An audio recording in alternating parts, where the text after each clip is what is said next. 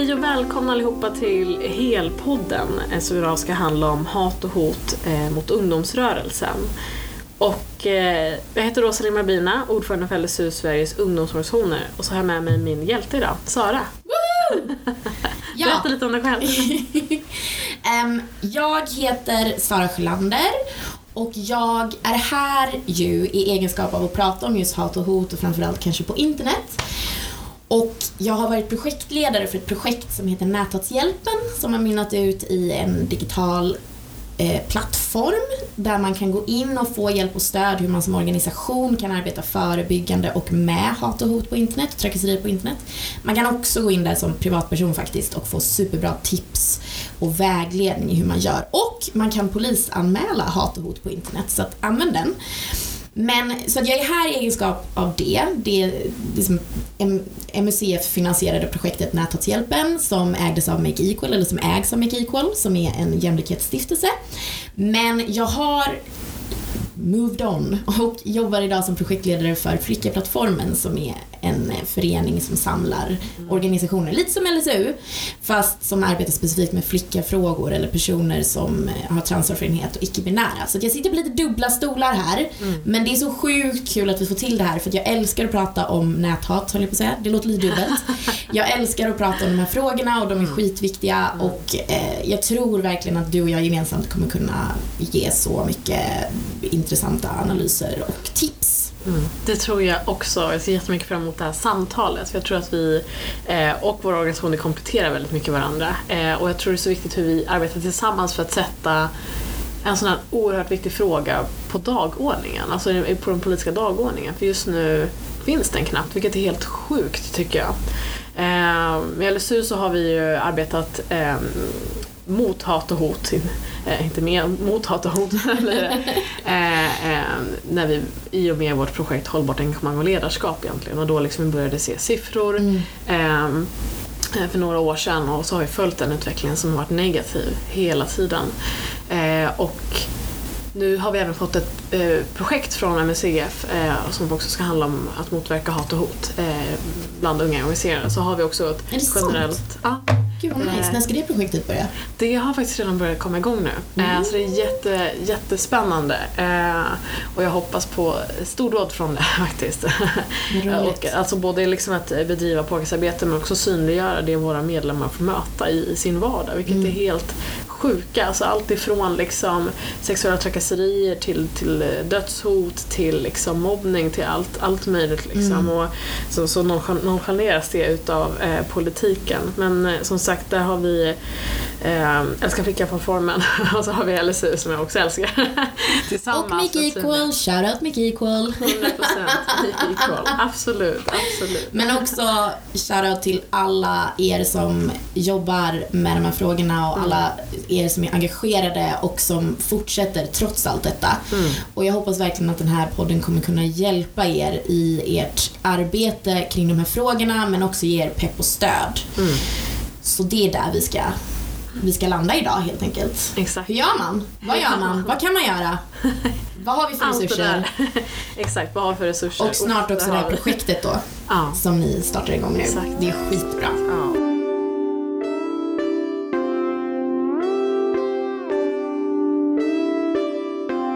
Jag vill börja med en liten fråga till dig Sara. Har du själv mött så här hat och hot i ditt engagemang och på vilket sätt har du upplevt det? Alltså det är en så himla bra fråga för att jag har ju då som sagt eh, jobbat som projektledare för Näthatshjälpen ett år och nu är jag på Flickaplattformen sedan några månader tillbaka och innan det så var jag aktiv inom RFSU Stockholm och innan det så har jag även varit engagerad i lite olika rörelser och sådär. Och jag tror liksom att min approach på grund av det personliga och liksom väldigt individbaserade hatet och hotet som finns idag, både liksom offline och online, så har det gjort att jag liksom lite dragit mig för att liksom göra min persona till en politisk persona. Alltså jag har inte känt att jag behöver bli en politisk influencer. Dels på grund av att jag är en exhibitionist, absolut. Men jag är inte, det är inte som att jag känner det, typ att, att mitt face behöver liksom placeras över på stan för att, för att en fråga ska synas. Eh, så jag kanske mer har varit engagerad lite bakom kulisserna vilket har gjort att liksom det hatet och hotet som jag har känt på har jag mer känt på i egenskap av att jag tillsammans med andra driver en fråga eller jag tillsammans med andra jobbar på en jämlikhetsstiftelse eller jag tillsammans med andra gör grejer. Inte så mycket så här att jag har fått höra till riktat till mig personligen just på grund av att jag inte har haft ett behov av att eller behov, det är inte ens ett behov. Fan, man ska kunna vara där ute, man ska, man ska kunna sitta på stan överallt utan att få hat och hot. Eh, men, men jag har inte velat det och det har delvis varit på grund av att jag eh, är en blygros. Eh, men också på grund av att jag inte velat få personligt riktat hat och mm, hot. Mm, mm, mm. Så att jag skulle säga typ att på grund av hatet och hotet som jag ser hela tiden runt mina rörelser och runt det jag varit engagerad i så har jag dragit mig för att sätta mitt personliga namn och face på det jag gör.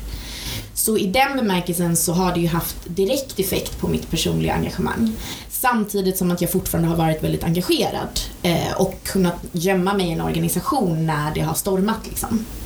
Så ja, det har påverkat mig. Men också, hade inte hat och hot funnits, jag vet inte heller ifall jag hade haft viljan att synas så mycket. Men, men det har absolut påverkat liksom hur de organisationerna jag har professionellt jobbat för och ideellt varit engagerad för har behövt förhålla sig till saker och ting och hur vi ska tänka och hur vi ska jobba kring saker och ting och vilka grejer vi behöver ha på plats och så. Och jag skulle också vilja lyfta i det här det, det interna hatet och hotet, som, eller inte hoten kanske, men det interna eh, lite bubblande hatet som kan uppstå inom organisationen när man driver minoritetsperspektiv, vilket mm. jag ofta har gjort. Där man kanske känner typ mer att, eh, absolut utifrån, Eh, men också inifrån att det finns ett aktivt motstånd mot att få fram minoritetsperspektiv till exempel. Så där, det kan jag också känna har påverkat kanske mitt engagemang lika mycket eller mer. Mm. Eh, att så här, hur ska man hitta verktyg för att hantera när man får upp obekväma frågor inom en organisation som har vissa normer. Det kan nästan ha, för mig ha varit en större utmaning i mitt engagemang för att jag ofta har varit liksom eh, så här, ah, men varför pratar vi inte mer utifrån det här perspektivet och mm. ifall vi pratar reproduktiva och sexuella rättigheter, varför pratar vi inte utifrån, varför pratar vi utifrån en kropp som är vit och sådär. Mm. Det samtalet har nästan mer blivit obekvämt för mig internt än att jag typ har känt att det utifrån kommer massa åsikter. Mm. Eh, så mm. vi kan prata om det också sen. Ja, jättegärna, jättegärna. Och du då? Ja, så jag tror att jag, så här, vi börjar brett liksom, att jag har absolut påverkats utav normförskjutningarna som gjort det möjligt och accepterat att behandla mig på ett visst sätt. Förstår du vad jag menar? Mm. Både privat, um, för till viss del så tillhör jag liksom normen i samhället men till viss del inte. Liksom. Så här, mm. ja, men, alltså bara vi i rummet liksom. Ja, men vi, vi eh, eh, eller jag identifierar mig som kvinna, liksom, jag blir eh, rasifierad, eh, jag är ung. Alltså mm. här har vi tre mm. bland annat. Eh, och så finns det liksom såklart eh, eh, mycket mer men, men hur som helst liksom, privat eh, men också i, i min roll som företrädare för en civilsamhällesorganisation. Alltså vad de normförskjutningarna gjort det möjligt att hata och, och, och hota eh, mot mig mm. är eh, det, gör, det har påverkat mig. Eh, absolut i, i någon form av någon sån grund en, en otrygghet som finns i grunden. Liksom. Mm, och mm. absolut min syn på sociala medier som kommunikationskanal som jag på många sätt och vis avstår ifrån om jag ska vara mm. helt ärlig. Eh, men, men det jag märker främst är, alltså, det, det begränsar inte att jag uttalar mig. Absolut inte. Alltså, så här, eh, jag, jag, vill fortsätta göra det men det, det krävs, eh, ah, hur ska jag säga, eh, jag ska inte heller blunda med att det inte påverkar mig. Mm. Eh, och, eh. Men tycker du att det är enklare för dig att, att uttala dig som eh, utifrån din yrkesroll, för du är ju liksom ordförande här på LSU. Mm. Är det lättare för dig att uttala dig så här, ja, eh, Rosalie, jag är ordförande för LSU, eh, det här tycker jag och LSU. Eller känner du dig, alltså för det var lite det som jag försökte fara med förut, alltså just den här mm. grejen att liksom så här, jag känner mig sjukt bekväm med att se väldigt kontroversiella saker med en organisation bakom mig. För då känns det som att hatet möjligtvis kan riktas mot organisationen. Mm. Men att jag känner mig mindre bekväm med att vara så här, Sara Sjölander as, okej okay, nu outar jag mig själv helt, jag bara, fan jag har Facebook. Eh, Sara Sjölander as in, Sara Sjölander tycker det här personligen. Förstår ja. du vad jag menar? Ja. Att det känns mer exponerande då. Och ja. då. För jag är mer typ rädd för individhatet. Förstår du vad jag menar? Ja, jag fattar. Um, mm. Alltså jag tror jag nästan känner jag känner eh, nog lika för båda men jag vet att det finns en annan kapacitet i en organisation att hantera det. Liksom. Mm. Um, men det som är spännande i, när jag uttalar mig i, i min roll som ordförande för LSU så, um, så är ju uh, hatet och hotet betingat mm. uh, till mitt beteende. Alltså när jag uttalar mig, det är då jag, jag möter, alltså det blir en mm. negativ betingning vilket mm. gör att det blir, alltså vad ens hjärna börjar formulera är att när du agerar mm. så betyder det att du kommer mötas utav en otrygghet eller en mm. rädsla eller alltså att att, att eh, Alltså allt det som som sagt har i vår samtid blivit accepterat att göra mot oss. Liksom. Mm. Eh, och, det, det, och frågan är liksom så här, eh, och det är så många som lite lägger ansvaret på också oss eh, som förtroendevalda eller typ våra medlemmar som demokratibärare att så här, men fortsätt ta den fighten. Man bara så här, men hur, hur ska vi fortsätta göra det? Så här, mm. här behövs det eh, ett, ett delat ansvar och, och jag jag kollar jättemycket på offentlig sektor, vi, jag kommer, vi kommer komma till det senare liksom, men, men ja, nu gick jag utifrån, eller eh, utifrån frågan så här, men, men ja, eh, jag har mötts utav det och det är betingat till mitt beteende om jag uttalar mig eller inte. Liksom. Mm. Hur kontroversiellt jag uttalar mig, eh, absolut det har en påverkan men helt ärligt liksom, om inte, alltså, ska jag prata om okontroversiella saker? Alltså vi vill ju vi vill ju skydda och värna och främja våra medlemmar. Ja hur, alltså vad som är kontroversiellt inte, det spelar ingen roll. Alltså, mm. så här, det är deras rättigheter, det är mm. liksom allas lika värde, det är eh, barn och ungdomars självständiga fria organisering. På alla sätt och vis kommer jag försvara det. Mm. Liksom.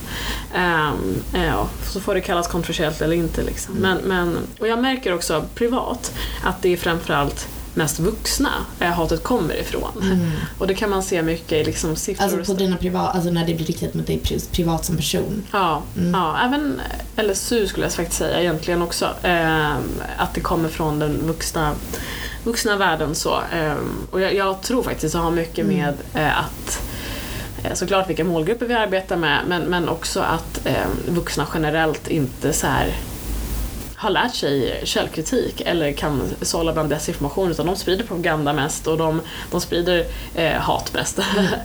Nej men alltså du har 100% rätt. Alltså, Expo publicerade ju, eh, shoutout-tidningen Expo, eh, publicerade ju en, eh, en eh, artikel eller ett reportage om eh, de som döms för näthat och kränkningar, eller inte nät... Låt oss klargöra en sak. Näthat är ju ett paraplybegrepp för en mängd olika saker som sker på internet. En del av de sakerna är olagliga, alltså faller under trakasseri, sexuella trakasserier, olaga hot, eh, liksom hets mot folkgrupp och så vidare. Och andra av de sakerna är bara obehagliga för att folk är idioter. Liksom. Eh, men de publicerade ett reportage om liksom vilka det är som, som står för mesta delen av det brottsliga näthatet på internet. Eh, och då använder de sig från siffror från Näthatsgranskaren som är en organisation som jobbar med att ställa personer på internet till svars för de brotten de begår. Shoutout Näthatsgranskaren. Vi på Näthatshjälpen har arbetat jättemycket med dem. Mm. Och det de ser, för de har lyckats ta väldigt, väldigt många eh, de har gått in i forum och polisanmält hets mot folkgrupp och, och trakasserier och hot och olaga hot och sådär och de har lyckats faktiskt ta de anmälningarna och lyckats få dom på väldigt många av dem. Och det har att göra med att de är lite av rättshaverister men också för att de är typ gamla poliser som vet exakt hur rättssystemet fungerar. Mm. Så de går liksom in och verkligen, verkligen stöttar upp. Eh, och det de ser när de liksom, eh, kollar på medelåldern på de personerna som de lyckas få dömda för de här brotten så är ju medelåldern typ 56 år om jag inte missminner mig. Den är 52 eller 56 år. Mm. Eh, och 80% är män och 20% är kvinnor. Tyvärr så för de bara statistik på binära kön men, men då får vi utgå från den statistiken. Mm. Eh, och det, det som är intressant är ju liksom att överlag när man tittar på brottsstatistiken så, så står ju män för en övervägande majoritet. Men i just det här brottet, att kvinnor ens har 20% är anmärkningsvärt högt. Så det är dels det att det är liksom ett brott som också kvinnor är en brottskategori i, mm. men också den här grejen att medelåldern på de som faktiskt blir dömda för brottsliga handlingar på internet är sinnessjukt hög. Mm. Vilket har ju precis med det du säger. Alltså, när vi har pratat med nätverksgranskarna om detta så har de också uttryckt typ att de bara, ja men vi ser också de här övre medelålderspersonerna eller medelålderspersonerna eller pensionärerna som i, vissa må, i viss mån offer för desinformation. För eh, alltså att de inte förstår de mekanismer som, som internet fungerar på, alltså algoritmer, AI, alltså god, jag vet knappt hur det fungerar. Men, men alltså min poäng är att liksom mm. unga personer så som oss själva, okej, okay helt okej okay, unga personer. Eh, vi är ju faktiskt eh, inte, vi räknas inte till kategorin unga tyvärr. Eh, men alltså vi är ju uppväxta med internet så vi är uppväxta med att behöva förstå källkritik, vi är uppvuxna med att förstå hur internet fungerar, bla bla bla. Vi har bättre resistens. Det är därför jag tycker att det är så intressant när man pratar typ om hat och hot på internet så blir det väldigt ofta så här, det är ett problem bland unga för unga. Mm. Men de flesta unga är väldigt väl medvetna om vad, hur internet fungerar, vad som händer, vad som sker och den största delen av liksom, det olagliga hotet och hatet, den står liksom en helt annan generation för. Um, tycker du att hat och hot är ett växande problem eller något som alltid funnits men nu hittar nya arenor. Liksom. Hur tycker du att hatet ser, äh, hotet ser ut mot Israel? Du, du har börjat nu, liksom, men vill du fortsätta utveckla det? Alltså, jag tror, eller okej, okay, um, det, alltså professionellt då, det finns rapporter och så vidare som bland annat från MUCF och eh, vilket ju är Myndigheten för civilsamhällesfrågor och ungdomsfrågor. Mm. Ja, tack så mycket. Ja. Thank you for the sponsorship av Näthatshjälpen. Eh, jag kan mitt namn. Eh, och, eh, men även andra rapporter från Civil Rights Defenders och så vidare mm. som ju tydligt visar på att det demokratiska utrymmet minskar. Mm. Framför allt för minoriteter. Mm. Eh, och nu räknar jag även in kvinnor som en del av den kategorin, eller av gruppen minoriteter. Eh, och ja, så att någonstans så, så, finns det ju liksom, eh, min professionella åsikt att ja, det har ökat och det ökar stadigt. Mm, mm.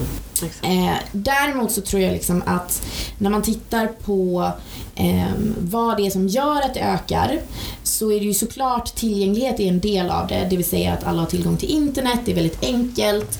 Eh, det är också så här, vi, vi kan alla idag i samhället få information och fakta eller mer eller mindre sann fakta och vad är egentligen fakta, let's be honest, eh, från väldigt många olika håll.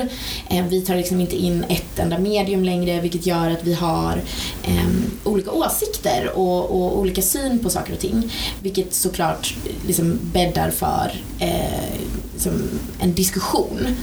Eh, det som jag tycker är negativt är att den här diskussionen är ehm, fylld av hat, hot och trakasserier som är olagligt. Ehm, för jag tror liksom i en levande, välmående demokrati så ska vi kunna ha olika åsikter och vi ska kunna diskutera de åsikterna. Alltså demokrati någonstans är ju, det är ju dels liksom, eh, liksom att, att alla får ha olika åsikter och alla får liksom säga sin röst. Men det är också att, att man ska ha jämlikhet. Det tycker jag är de två grundpelarna som demokratin står på enligt mig och enligt många andra. Det, jag har inte kommit på det själv.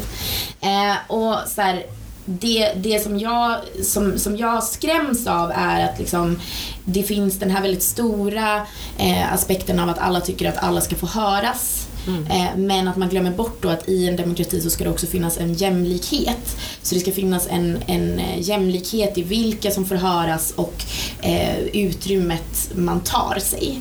Eh, och det här hot och hatet gör ju liksom att, att eh, den här jämlikheten, möjligheten att faktiskt uttrycka sig eller komma fram eh, minskar. Och, och liksom någonstans så om man tittar på demokratins historia, alltså demokratins historia Alltså även om vi snackar om Grekland och bla bla bla, alltså demokratins historia är inte så lång. Och den har ju eroderats extremt mycket de senaste åren. Mm. Inte bara i Sverige men i hela världen. Um, och sådär. Så, att, så att jag tror liksom att vi behöver alla eh, oavsett partipolitisk tillhörighet, oavsett liksom bakgrund, kämpa hårt för att behålla vår demokrati. Och också, alltså man pratar väldigt mycket idag om popularisering av både höger och vänster, man pratar om polarismen.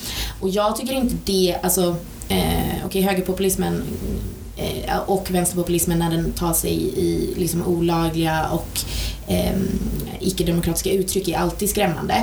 Men, men min poäng är att liksom, jag, tycker, jag tycker den här idén om att, att eh, vi tycker olika, att det är det som är skrämmande, det är helt fel. Det är en felaktig analys av läget. Det skrämmande är att när man pratar om demokrati och att framföra sina åsikter och att folk har rätt till sina egna åsikter och rätt till, till liksom att sträva efter olika politiska mål, att man glömmer bort att det också ska vara att alla ska ha lika möjlighet att göra detta. Ehm, så att min poäng är att liksom, hat och hot är inte ett växande problem på grund av att vi tycker olika eller att vi tycker väldigt olika. Mm. Det är ett problem på grund av att vi lite har glömt bort att ett demokratiskt samtal mm. inbegriper att vi samtalar och att det är helt okej okay att vi tycker olika. Och någonstans där, det finns ju mycket politisk teori om varför detta har hänt. Det här med att liksom både höger och vänster har gått till mitten och alla liksom ska, liksom, vi ska hitta konsensus istället för ett demokratiskt samtal. Det är problematiskt, bla bla bla. Eh, men jag tror att liksom hatet och hotet kommer av att vi har haft en erodering av det demokratiska samtalet. Alltså att det är viktigare att tycka lika. Eh, men att de nu då som tycker olika och är frustrerade på att de inte känner sig hörda eh, känner att liksom eh, har glömt av den här jämlikhetsaspekten. Eh, men jag menar, det är inte vi den första tiden i historien som har gjort. Mm. Alltså i demokratins historia i alla fall. Mm. Eh, alltså jag menar Eh, någonstans så kan man ju hitta liknande aspekter av liksom, efter första världskriget, efter andra världskriget, bla bla bla. Eh, och jag menar det är svårt att säga när egentligen det har funnits en demokrati i världen eller en, en, en demokrati i ett land som har varit felfri. Liksom. Eh, så att jag skulle säga att ja, hat och hot är ett växande problem Eh, och det kan drabba fler personer på en individnivå idag än vad det kunde göra innan på grund av att vi alla har en identitet på internet. Men jag tror liksom att hotet är inte det faktum att vi tycker olika eller att vi är polariserade. Hotet är att vi inte har ett demokratiskt samtal. Mm. Det vill säga där vi i ett jäm, i jämlik, in, på ett jämlikt sätt kan sätta oss vid bordet och diskutera saker och ting. Mm. Alltså jag, jag, är så jävla irriterad på liksom där, är du för eller emot det här? Mm. Vadå för eller emot? Det här, alltså det är typ som, eh, ja, men typ som flyktingfrågan, är du för eller emot? Man, bara, det, man kan inte vara för eller emot för att vi lever i en tid då migration och flyktingar händer. Därför så handlar det bara om liksom, politiska lösningar för att liksom, hantera hur vi ska hantera det här. Flyktingvågen kommer liksom inte minska. Alltså, ekosystemen håller på att fallera i olika delar av världen, krig händer, folk kommer behöva fly. Eh, så det är också en sån grej som man bara så här, egentligen så behöver vi inte sitta här och ha ett moraliskt samtal om för eller emot, utan vi måste ha ett demokratiskt samtal kring hur vi hanterar och ska arbeta med de här frågorna. För realiteten är redan där. Men det är där som jag tycker typ att det är också ett jättestort hot mot demokratin och hot mot civilsamhället, det är det här att vi hela tiden ska säga om vi är för eller emot eller att vi inte kan ha demokratiska samtal. Mm. Det är för mig så här Okej, okay, jag har verkligen sidetrackat mig själv nu. Men, Nej, men alltså, min, min poäng är bara att liksom, hat och hot är ett växande problem på en individnivå, ja. Mm. Eh, och det är ett växande problem på grund av att demo demokratin har eroderats och att det demokratiska samtalet har avstannat och bara handlar om att vara eh, liksom motpoler. Mm. Eh, och motpoler i sig är ingen fara. Men vi måste kunna ha ett demokratiskt samtal. Mm. mm. Ja, förlåt. Mm. Vad, vad tänker du? Ursäkta, det här är som sagt min hjälte. ja, tack. Um, alltså, jag, jag, tycker vi någonstans eh, tog demokratin för givet. Jag kommer lägga, alltså vuxengenerationen, jag kommer lägga så mycket skuld på så många frågor. Från klimatet till, till allas lika värde i demokratin. Jag håller med dig helt 100%. om att det betyder jämlikhet liksom. Eh, um, och att vi någonstans i det, när vi tog demokratin för givet, eh, nu, det finns ju forskning också, bland annat från Göteborgs universitet, som visar på att eh, både kvaliteten och kvantiteten av demokratier minskar. Mm, mm. Alltså den liberala demokratin urholkas och antalet demokratier försvinner i världen. Mm. Vilket är liksom det största larmet som går nu, mm. som vi väldigt mycket blundar för. Mm. Eh, och det, det eh, gör mig förbannad faktiskt. och för mig i svensk kontext, alltså bara ett exempel hur man har prioriterat både socialt, politiskt och ekonomiskt ungdomsrörelsen mm. under så många år, tio år nu. Eh, varsågod, här är konsekvenserna utav det. Liksom. Um, och det är ju så ett problem som jag tycker är så himla tydligt är ju, här, som har lett till den här negativa utvecklingen, är att vi har kollat vi har kollat på de stora, alltså vi har, vi har eh, tappat fokus. Mm. Eh, vi kollar på de jag ska säga, resultaten utav demokratiska, alltså förskjutningar mot demokratin istället för de här små förskjutningarna Mm. inför det. Eh, så här, ja men där, där eh, avsattes en domare eh, i i Polen eller där nu, nu, nu ehm, sker det här, Trump blev vald, alltså så. Mm. Vad har lett till det? Alltså det är det vi måste lägga fokus på Ehm, ehm, och det gör ungdomsrörelsen. Det gör Mm. liksom våra medlemmar hela tiden. Och för mig är det precis det som kallas för krympande demokratiskt utrymme. Mm. Alltså de här förskjutningarna som görs hela tiden mot oss. Allt ifrån liksom en tung administration och byråkrati som, som liksom eh, som gör att vi, vi ständigt liksom behöver möta kraven som finns liksom, till hat och hot som vi pratar om nu, till minskad finansiering, till misstänkliggörande utav vår, alltså ungdomars engagemang. Ja. Eh, till till eh, smutskastning, till eh, ja, men, allt, allt det här ehm, Alltså även regleringar mot oss. Alltså, Mm. Och i, i Sverige, så här, det, det finns eh, en, en stolthet över att man i världen arbetar mot shrinking space, vilket liksom är det, den eng, alltså, engelska översättningen av krympande demokratiskt utrymme. Men man erkänner inte det hos oss i, i vårt egna land att det händer. Och vi, vi började med det i LSU men för ett eller två år sedan att börja prata om det så här. Men det sker mot oss också, ett krympande demokratiskt utrymme. Ehm, och jag kan, alltså, jag är så arg. jag kan inte förstå hur man... Eh, för för i, i, i Sverige så finns det skydd mot eh, förtroendevalda så, och när man pratar om förtroendevalda som begrepp så pratar man om Jag ser det också som absolut civilsamhället men, men eh, då pratar man om det i politiken. Eh, Alltså i kommuner, eh, landsting och, eller det heter regioner tror jag, och riksdag och så vidare. Liksom. Ehm, eh, man pratar om konstnärer, man pratar om journalister. Jätteviktigt alla tre. Men man glömmer bort den delen som skapar den liberala, alltså mellanvalsdemokratin. Den, Det som gör det liberal demokratin till liberal demokrati. Eh, Jag tänker också att du får eh, förtydliga här nu vad du, vad du menar när du säger liberal demokrati. Li- Ja, jag skulle säga att det är inte en demokrati där du bara går och röstar utan eh, ditt, eh, ditt allas lika värde eh, garanteras varje dag skulle jag säga. Eh, och det för mig är civilsamhället som gör det. För att när du engagerar dig i civilsamhället så tar du tillbaks makt som du har gett liksom. Och säkerställer och ansvarskräver politiker att följa det de har lovat att göra. Därför de valdes in liksom.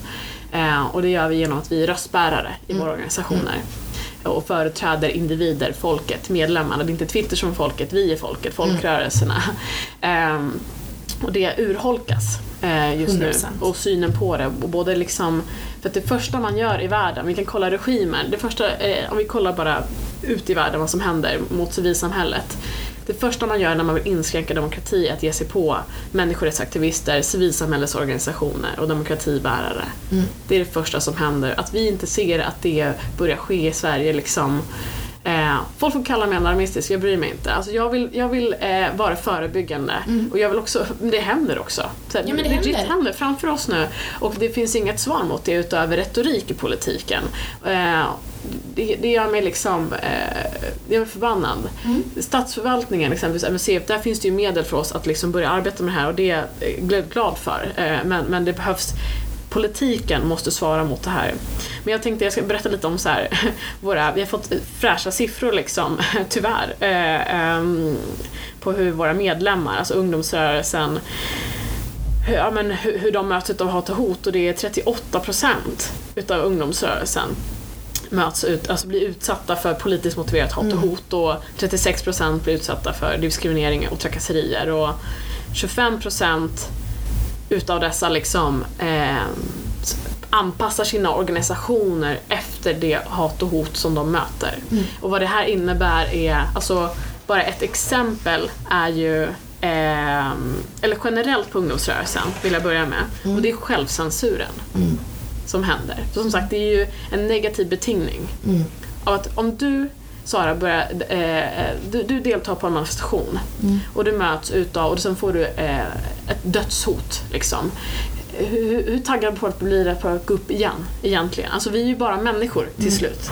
Ehm, Jag tänker också att det är, alltså, förlåt att jag bryter in men alltså, och det var lite det jag menade det här med att jag gillar att representera en organisation men inte mig själv. Alltså, och det har ju också att göra med det här. Mm. Att jag är, liksom, eh, känner en överhängande oro inför att få personligt riktade hot eller att folk ska komma hem till mig eller att folk ska leta upp mig. Vilket gör att jag typ, tycker, känner mig mycket mer bekväm i att eh, liksom, representera en organisation än att representera mina egna åsikter. Så att jag menar, allt det här går ju in i det. Det spelar ingen roll ens om du har fått den första negativa betingningen när du har gått upp där och bara får mordhot. Utan det räcker bara med vetskapen om att så här, om jag går upp där, för jag är också rasifierad eh, som icke-vit och kvinna, då vet jag på grund av statistiken och jobbar med de här frågorna att det är väldigt, väldigt stor chans att jag kommer få personpåhopp. Inte ett demokratiskt eh, liksom, motargument, för det kan jag ta, eh, utan personpåhopp eh, liksom någonstans. Mm, exakt, exakt. Och det är så himla... Alltså jag kan inte... Jag vet inte hur jag ska börja beskriva hur fruktansvärt det är. Det är så- Att du inte får vara hela dig. Alltså, eller att vara medlem inte får vara det och att Ja. man utvärderar hela tiden. Är det värt risken att vara Exakt. engagerad? Exakt. Är det värt risken att för, alltså vara en röstbärare för, Mm. för medlemmar som jag har? Alltså, jag tänker hur våra ungdomsorganisationer och barnorganisationer känner just nu. Liksom. Är det värt risken att, att, att värna vår demokrati? Alltså Mm. för att jag utsätts. Liksom. Och eh, det, det som offentlig sektor inte förstår är så här, hur det här urholkar Mm. folkrörelser i Sverige. Alltså civilsamhället, vår rörelse, ungdomsrörelsen. Ja. På, på, på lång sikt så kommer färre att engagera sig. Ja. Ehm, och det som sker bland de här 25 procenten som jag pratade om innan, liksom, som anpassar sin organisation efter hat och hot, är ju att de tar pengar från vi har redan ett konstant minskande statsbidrag. Liksom. Eh, eh, för generellt är eh, 30-65% av våra medlemmar som är helt, helt beroende av liksom, den inkomstkällan, statsbidraget. Ehm, och det minskar varje år. Det har minskat i 10 år nu för att det är fler medlemmar som engagerar sig, vilket är positivt för vi ser samhällsutmaningar. Shoutout till alla som engagerar sig. Yes! Helt rätt. Eh, för utan er då, då som sagt finns inte vår liberala demokrati. Exakt. jag. Ehm, Nej, jag håller med dig 100%. mm, Nej, men jag tycker det är också bra att du tar upp den ekonomiska aspekten för att någonstans är det så här. Alla föreningar och organisationer idag behöver stöd och hjälp i hur de kan arbeta med och förebyggande med potentiella hat och hotsituationer för att också vi som söker oss till ungdomsrörelser eh, ska känna att, att eh, mitt perspektiv är synliggjort, jag kan vara trygg inom den här organisationen. Och sånt kostar pengar. Så att jag menar absolut att vi kan prata om det här utifrån hatet. Vi kan prata om så här, vi kan prata om, om Gösta, 56, som sitter och skriver grejer till fantastiska personer som är engagerade i ungdomsrörelsen. Men vi måste också prata om det faktum att, precis som du lyfter, att civilsamhället överlag får minskade anslag, civilsamhället överlag får mindre långsiktig finansiering, civilsamhället överlag får mer projektfinansiering, civilsamhället... Alltså för alla de här aspekterna, möjligheten att jobba förebyggande handlar också om pengar. Alltså det handlar om pengar. Och jag menar, sen så är det såklart att vissa mindre föreningar, där är man bara ideellt engagerade. Mm. Och det är klart som tusan liksom att, så här, eh, liksom, att det är svårt att liksom, så här, ha en, eh, en modereringsplan eller så här, så här gör vi ifall någon råkar illa ut, bla bla bla. Men jag vill också säga att sån hjälp kan ni få på Näthatshjälpen. Även om ni bara är fem personer så finns det så mycket tips och råd i hur ni kan arbeta förebyggande. Ni kan ladda ner handlingsplaner som redan är färdiga. Förlåt för skamlös reklam. så bra. Ehm, så... men, men min poäng är liksom att någonstans så handlar det också om att det från, från statligt håll eh, borde vara så att de tillhandahåller den hjälpen och stödet för att se till att de här fem då som sitter i den här lilla föreningen orkar fortsätta. För att de bör, och det här har ju också att göra med åldersmaktordningen, alltså det här med att man inte ser unga personer som demokratibärare trots att de är demokratibärare. Och någonstans här inte förstår att då måste vi som en del av att liksom behålla vår demokrati stödja dem. I till exempel ja, men alltså att de ger dem resurser för att kunna bedriva den här typen av arbete. Ja. Så att jag menar, dels, precis som du säger, dels det här att ungdomsrörelsen överhuvudtaget och civilsamhällesrörelsen överhuvudtaget har fått mindre anslag de senaste tio åren och sen nu också behöver vika större del av de anslagen till den, de här åtgärderna istället för att bedriva sin vanliga verksamhet. Det är ju faktiskt, är det så Ja. inte okej? Nej, jag vet. Det är helt, helt sjukt. Och, och vi, vi möts ju inte av ett svar ens i det. Utan i år skedde det en minskning. En minskning. En minskning! Ja. Jag är helt jävla förbannad. Alltså jag kan inte förstå hur, hur, hur, på tal om hur man kan urholka demokratin på det sättet och inte förstå de sambanden. Det gör mig galen. Att liksom, som sagt, ungdomsrörelsen på tio år har fått mindre och mindre och mindre för fler engagerar sig, vilket är positivt för vår demokrati. Det är det som möjliggör den överhuvudtaget. Men nu minskar det, precis som du sa Sara, liksom, för nu fördelas pengar som ska gå till verksamhet fördelas på ens egna säkerhet. Kan du fatta det? Det är så sjukt. Ja, och så bygger organisationer upp egna strategier. Eh, En, ett som ett hjärteskärande exempel är en, en av våra eh, medlemsorganisationer där finns en strat- alltså de har tagit fram en strategi där de begränsar hatet och hotet mot vissa personer så att inte fler får möta det. Alltså, och vad jag menar här är att det är bara vissa som får gå upp och uttala sig exempelvis i demonstrationer eller debattartiklar eller politiska uttalanden så att det inte fler möter det. Liksom. Och det är, med, det är helt sjukt.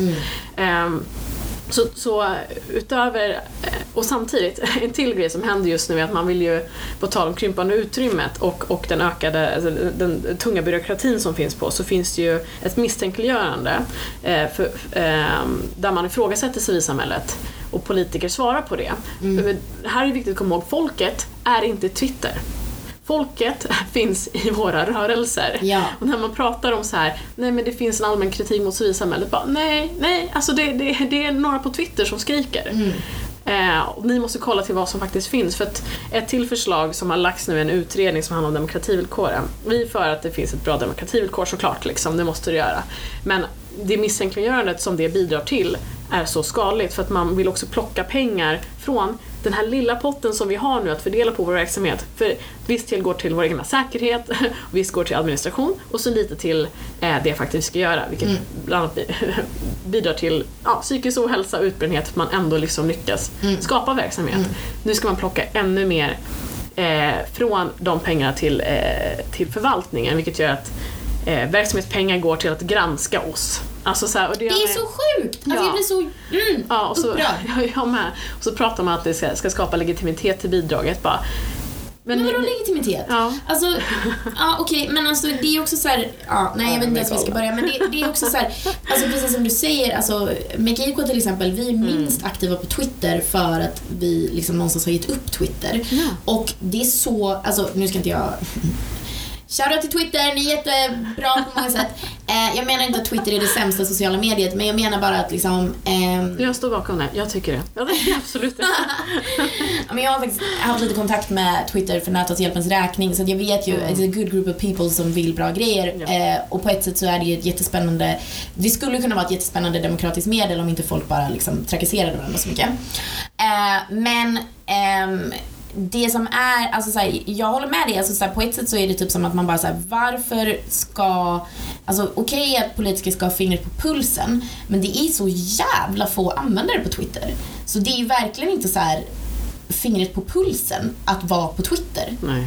Det är ju bara så här att inte, alltså det är, det är liksom att någonstans ta en väldigt högljudd del av, eh, av en liten del av samhället och lyssna på dem. Mm. Alltså, sen så förstår jag att det är smidigt, då kan, liksom, då kan våra partiledare lyssna på dem i mobilen. Mm. Eh, men jag menar någonstans så, det är ju så mycket viktigare att ta in det som civilsamhället säger. För Ja. att vi organiserar så många fler. Mm. Och så många fler med, liksom, med olika bakgrunder, olika erfarenheter, eh, olika perspektiv. Mm, mm, jag håller helt med dig.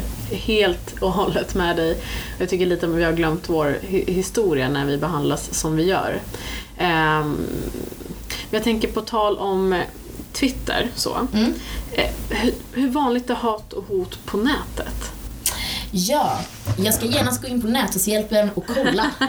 eh, för att det finns inte bara konkreta tips och råd på Nätverkshjälpen utan det finns också fakta och statistik om nätverksproblematik. Fantastiskt. Alltså, och hur, kan våra, alltså, hur kan organisationen göra för att stötta medlemmar som utsätts? Ja, men det här är en tvådelad fråga. Jag kan Mm. svara på båda dem. Superbra. Eh, alltså, det finns en hel del eh, liksom, statistik på vilka det är som drabbas eh, av hat och hot och sådär på internet. Och då, som sagt, och det här har jag ju nämnt innan, alltså eh, fler män än kvinnor pekas ut som gärningspersoner. Det här är en ganska binär statistik får vi komma ihåg. Eh, och det finns också statistik som visar typ att unga män näthatar dubbelt så mycket som unga kvinnor. Och att kvinnor som grupp utsätts för mer hat, hot och kränkningar på nätet. Eh, och sådär. Och sen kopplat till unga då så har Friends nätrapport eh, pekat ut att ungefär en av tio ungar utsätts för mobbning på internet. Eh, det är 18% av tjejerna och 6% av killarna som har blivit utsatta för sexuella trakasserier och jag tror faktiskt att de här siffrorna har ökat för den här rapporten är från 2017. Eh, och jag, och som sagt binär statistik här nu, bear in mind. Och sen så finns det en jättebra avhandling som kom förra året från Maria Frid från eh, Lunds universitet där hon visar på de väldigt tydliga kopplingarna mellan eh, hat och hot och trakasserier på internet och psykisk ohälsa bland unga eh, i årskurs 9. Och att där också att hon visar också att korrelationen mot att må dåligt över det, det är också lika mycket det här som vi pratade om innan. Inte det att man kanske faktiskt har utsatts utan att man går runt och oroar sig för att man ska utsättas. För det räcker att bli utsatt en gång för att det ska liksom ge eh, konsekvenser för den psykiska välmående som ung. Alltså, och det har ju, tror jag, att göra med liksom att man ser det hända hela tiden. Eh, för att det behöver liksom inte vara att man blir det liksom, eh, flera gånger under lång tid. Ehm, utan det räcker liksom en gång. Ehm, och eh, såklart att tjejer lider av mer psykisk ohälsa överlag än killar till exempel. Och eh, som sagt, statistiken utgår ju från två binära kön, vilket ju osynliggör trans, personer med transerfarenhet och icke-binära personer, unga personer. Men min egen erfarenhet och liksom i de mindre studier som RFSL har redovisat så, så, så kan man ju se liksom att överlag så mår ju eh, personer med transerfarenhet och icke-binära sämre än övriga grupper eller än, än cis-grupper. Liksom. Och det tror jag också gäller kring vad som händer på internet, eller jag är helt övertygad om det. Och som sagt, Näthatsgranskaren som jag pratade om lite innan har ju i deras kartläggning av deras material så ser ju de att hatet som de, som de tittar på, det är framförallt på Facebook, eh, så ser de ju att det framförallt riktar sig till personer med invandrarbakgrund, eh, personer som är asylsökande, eh, personer som läser som eller är muslimer, judar, regeringen, politiker, tjänstemän, bla bla bla. Men man kan också se typ att afrofobiska, alltså hatbrott med afrofobisk eh, bakgrund är typ en av de absolut vanligaste. Mm. Eh, så någonstans så går det ju väldigt tydligt att se att de trakasserier och hatrot som sker på internet har en intersektionell dimension till sig i, i den bemärkelsen att de av oss som innehar fler minoritetsskap än ett eller ett minoritetsskap utsatts på fler sätt och i högre grad. Alltså om du är kvinna men också svart kvinna till exempel så kommer du antagligen få jävligt mycket mer hat och hot. Det finns en skitintressant studie som, oh, jag kommer inte ihåg vad det kan ha varit, Amnesty, ah, jag kommer inte ihåg, eh, om eh, en, en svart parlamentariker in the UK. Som, de gjorde en kartläggning på Twitter. Köra Twitter igen. Eh, sex veckor inför valet för två år sedan. Och då kunde de titta på att liksom utav allt hat och hot som riktades till kvinnliga eh, parlamentsledamöter och jag tror att det finns typ 150-200 kvinnliga parlamentsledamöter i det brittiska parlamentet vilket ju är basically som våran, eh, som, som våran eh, eh, vad heter det, eh, rik, riksdag. Mm. Eh, så kunde de se att liksom, eh, utav de här 150-200 kvinnliga riksdagsledamöterna så fick den här personen, Diana Abbott heter hon, fantastisk politiker. Eh, och hon är inte mer radikal än några andra. Hon tillhör basically eh, liksom den brittiska motsvarigheten av Socialdemokraterna och har inte super, det är inte som att hon liksom har helt sinnessjuka åsikter. Eh, men eh, hon fick ta emot nästan hälften av allt hat och hot som riktades till kvinnliga parlamentsledamöter under de här sex veckorna på Twitter. Och eh, liksom, det är liksom, jag tror att det var 45 eller 47 procent. Alltså, det är så sinnessjukt. Alltså en av typ mellan 150 och 200 får typ hälften. Eh, men då är ju hon också då svart och kvinna. Eh, och sosse då. Men, eh, eller ja, Labour som det heter i in the UK. Eh, så att någonstans så går det väldigt tydligt att se och hitta de här exemplen på den intersektionella aspekten av näthat. Det vill säga att de av oss som, eh, som liksom har flera minoritetsskap eller perspektiv, att vi utsätts på fler sätt och på mer brutala sätt. Mm. Eh, och det är väldigt viktigt att komma ihåg och framförallt liksom utifrån ett organisationsperspektiv när man ska arbeta förebyggande för att skapa trygghet för sina medlemmar så är det väldigt viktigt att också fundera kring just de här aspekterna så att man någonstans som minoritet eller som en person med flera minoritetsskap känner att man är synliggjord inom sin organisation.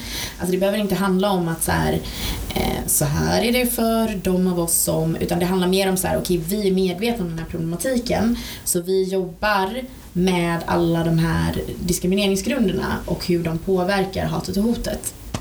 Mm. Eh, och sen vill jag också eh, göra en liten grej till kring just det här med hat och hot på nätet. Att så här, eh, det är väldigt få brott som uppklaras på internet. Eh, och det är i sig jätteproblematiskt och det har jättemycket att göra med att det satsas alldeles för lite resurser på det här området. Eh, men, och, och, okunskap skulle jag säga och det säger även nätverksgranskaren. Eh, okunskapen hos polisen och så vidare. Eh, men det beror också på att väldigt få faktiskt anmäler. Så det är också, jag skulle säga att siffran idag på hur många brott som faktiskt sker är felaktig. Mm. För det är så många som tror att det de har utsatts för inte är ett brott och eller att de inte kommer bli tagna på allvar. Mm. Eh, men detta sagt så, eh, det stämmer ju. Alltså, det är väldigt få utav de som anmäler som faktiskt kommer vidare till någon form av så här, rättsprocess och sådär. Men det är också viktigt att vi anmäler för att det, alltså statistiken ska visa på hur stor problematiken faktiskt är. Och där till exempel kan ni faktiskt få hjälp med att skriva en jävligt bra anmälan på Näthatshjälpen mm. eh, som ni sen kan skicka in eller mejla in. Eh, för idag så har det liksom bara varit möjligt att polisanmäla vissa brott på internet. Eh, men vi på Näthatshjälpen hade hela tiden en strävan över att brott på internet ska man kunna anmäla på internet för att det ska vara ett kortare steg att anmäla än att man ska behöva gå ner till en polisstation med bilder och, och liksom, printscreens på så här. Utan med den här anmälan-funktionen så kommer ni kunna skicka in till rätt polisadress för att poliser måste faktiskt ta upp anmälan, all, alla anmälningar som kommer in dem. Det är en del av deras myndighetsansvar. Eh, så att jag menar, jag ska inte sitta här och säga att ah, om ni alla anmäler så kommer ni alla få upprättelse, för det är inte sant. Men däremot om vi alla anmäler så kanske vi har en större chans att påverka hur våra politiker och Polismyndigheten arbetar kring de här frågorna. Mm, mm. Och det måste också stärkas med resurser så att den kompetensen finns inom polisen också. 100%. Om civilsamhället och hur man bemöter och, och, och, och ja, Med detta sagt så finns det också väldigt många bra poliser. Eh, Eh, Okej, okay, jag har ingenting att säga. jo, måste det finnas, tänker jag. Eh, ja, jo, men alltså, de på Nätverksgranskaren har ju mm. varit poliser och de är ju trevliga. Ja, ja. och jättemedvetna om problematiken. Jättebra. Så jag baserar mitt omdöme på dem. Helt rätt. Eh, ja. Ehm, jag tänkte lite på också med, tack så jättemycket, alltså så, så viktiga siffror och en sån oerhört viktig uppmaning att, att anmäla. Och, för det finns en det gjordes en undersökning och det var förvånansvärt lågt hur många som tror att det inte finns konsekvenser utav uttalanden på sociala medier. Mm. För det är ju en del utav vår verklighet också. Mm. Det är ju mm. inte liksom en isolerad plats som är fri mm. Eh, från, från, från vår verklighet. Den, allt bildar en, en sanning för oss, mm. allt bildar eh, våra liv på något sätt. Eh, så anmäl, anmäl, anmäl när ni ser. Och, eh, jag tänker att det här, precis som de grupper du identifierar, för det ser vi också i LSU i våra undersökningar, att det handlar liksom om eh, eh, religiösa organisationer, mm. att det, där man, man ifrågasätts för sin religion och vilket är helt sjukt i vår samtid där man pratar om frihet från religion men inte till religion tycker mm. jag. Mm. Eh, eh, partipolitik, de partipolitiskt engagerade barn och unga eh, möts också konstant liksom, eh, men också betingat eh, hat och hot vilket eh, bidrar bland annat till eh, att färre engagerar sig i partipolitik, vilket är oerhört allvarligt. Fler måste göra det. Fler måste göra det. Eh, vi måste få in fler unga i, i eh, beslutsfattare i offentlig sektor och då är det genom partierna. Eh, HBTQ-personer, kvinnor, liksom, och sagt, nu är det alla barn som, och unga, så åldersmaktsordningen finns redan som ett, liksom, ett, ett ondskans täcke på det. Exakt. Eh, men också funktions, eh, funktions, alltså funkisrörelse. Ja, gud, ja. personer, unga personer med funktionsnedsättning. Verkligen, och det är också en sån grej, jag vill verkligen lyfta i aspekten till det här, att de också utsatts Eh, eller de av oss som, som har olika typer av funktionsvariationer på internet, att, att, eh, att det är också väldigt mycket sexuella trakasserier där som osynliggörs. Eh, och också liksom att, liksom, och det vill jag också lyfta i, an, i anspråk till det här, att de har ännu längre, alltså ofta de av oss med funktionsvariationer har ännu längre väg att faktiskt nå fram till det demokratiska samtalet Mm. för att det finns massa institutionella mekanismer som gör att eh, liksom, de rösterna, eller de av oss som har de rösterna inte får ta plats. Liksom. Ja. Ja, det är helt sjukt, även utanför, alltså, jag tänker offentliga rummet eh, utanför eh, internet också, så här, vilka Mm. som beviljas att kunna vara eh, politiskt engagerade. Det är helt, där gör man verkligen eh, skillnad på människa och människa igen. Och det är väl det som är grundläggande problemet. Ja. Också i, i vilket, eh, som sagt, eh, som ett löpande budskap genom hela det här samtalet, så här, att eh, också värna barn och ungdomars engagemang eh, och, och liv. Alltså att det inte möts av hat och hot. Liksom. Där gör man återigen skillnad på människa och människa. Ja, men jag vill också säga det att liksom, någonstans så är det ju, det är ju någonstans eh, eh, demokratin, den svenska demokratins funktioner det är fel på ifall de unga eller de av oss som är unga eller vi som är unga inte kan göra våra demokratiska röster hörda. För att enligt barnkonventionen som blir lag nu nästa år så ska barn och unga kunna påverka det demokratiska samtalet och sitt eget inflytande i, i, i liksom, och kunna ha inflytande i politiken och så vidare. Och så vidare. så det är också det här att liksom, man pratar ju ofta typ om att Eh, att ja men barn och unga är välkomna, bla bla bla. Eh, så här, men, men ifall rummen och funktionen på hur det välkomnandet ser ut konstruerade för att eh, ja men till exempel om man har en funktionsvariation eller lalla, hur ett samtal ska gå till eller, eller bara att man är liksom, eh, liksom oerfaren, bla bla bla. Då är det ju fel på rummet, hur det är konstruerat för då någonstans så funkar inte det demokratiska rummet. För det är ju de facto då inte demokratiskt om det bara är en viss typ av normperson som kan ta plats i det rummet. Mm. Och det inkluderar vi i hur vi ser på krympande demokratiskt utrymme. Mm. Att det är en, det demokratiska underskottet, att man inte eh, eh, får, får reell makt eh, i, i beslutsfattande rum eh, och bemöts som människor helt enkelt. Ja, och det är det vi jobbar med på Flickaplattformen också. Ja. Köra Flickaplattformen. Helt- eh, men ja, och det är ju fucking allvarligt. ja, jag vet. Jag blir så galen på detta. Mm, mm. Samtidigt som vår generation liksom står inför ödesfrågor och liksom det är så, alltså ehm, Ja, men också hela den här grejen att man bara I believe the children are the future. Det är typ standard line för alla politiker. Och man bara, men ni är inte intresserade av att lyssna på barn. nej, nej, Alltså det och, och unga. Alltså ni är inte alls intresserade av att inkorporera dem i politiken. nej, nej, nej. Sänk rösträttsåldern till 16 år Ja. för det första och för det andra liksom skapa en dialog. Mm. Gör det bara. Mm, mm. Ja. Det är det vi inga fick på- plattformen vill göra, det är det ni vill göra. Ja. Men våra frågor göra. förhandlas alltid bort. Alltså det är de här frågorna som förhandlas bort mellan partier. Mm. Även i regeringen. Rösträtt 16 är en sån perfekt exempel på det.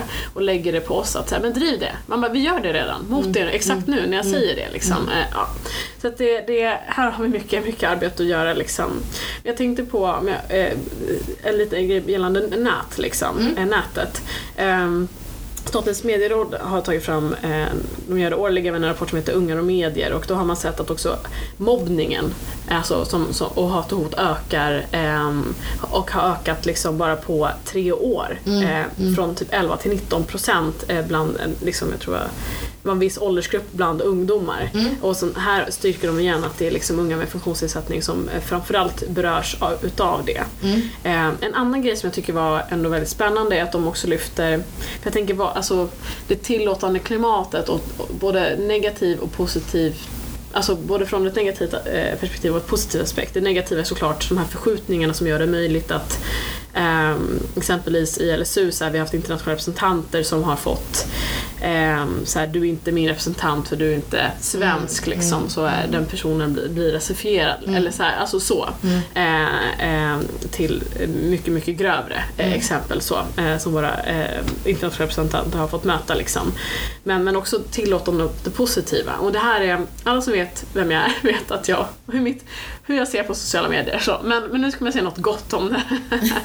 och det är liksom, jag tänker på metoo-rörelsen liksom, Mm. som, som handlar om eh, ja, sexuella trakasserier. Liksom, hur det, det var en global våg. Liksom, som, Mm. Det är ett positivt exempel och utifrån just eh, när det hände så har det också by- alltså, så byggts ett klimat som markerar snabbare. Mm. Vilket har bidragit såklart till en polarisering. När det är okej att att eh, uttrycka sig rasistiskt, nazistiskt, eh, sexistiskt, allt det där och samtidigt okej att vara alltså, eh, markera tillbaks det Mm. gör ju att vi har en, en enorm konfliktyta som eh, som sagt jag inte tycker det finns, vi pratade om polisen innan, resurser för att bevaka överhuvudtaget liksom. Ehm, ja, och tillbaks till, liksom, till näthatshjälpen så här. Ja, om vi, om vi, jag, jag tycker inte vi ska lägga egentligen det på individ men här är ett perfekt exempel på liksom så här, gå in och anmäl och använd den fantastiska plattformen Shoutout liksom. eh, eh, för att liksom ja, men motverka den här negativa utvecklingen som så många eh, blundar för. Ja. Eh, Och i relation till det så vill jag också lyfta att liksom någonting på Mikiko när vi pratar om näthatet så brukar vi ändå så här, någonstans så tycker vi också att man ska vara en del av en självreflekterande del i det här, att vi är alla en del av samtalsklimatet på internetet.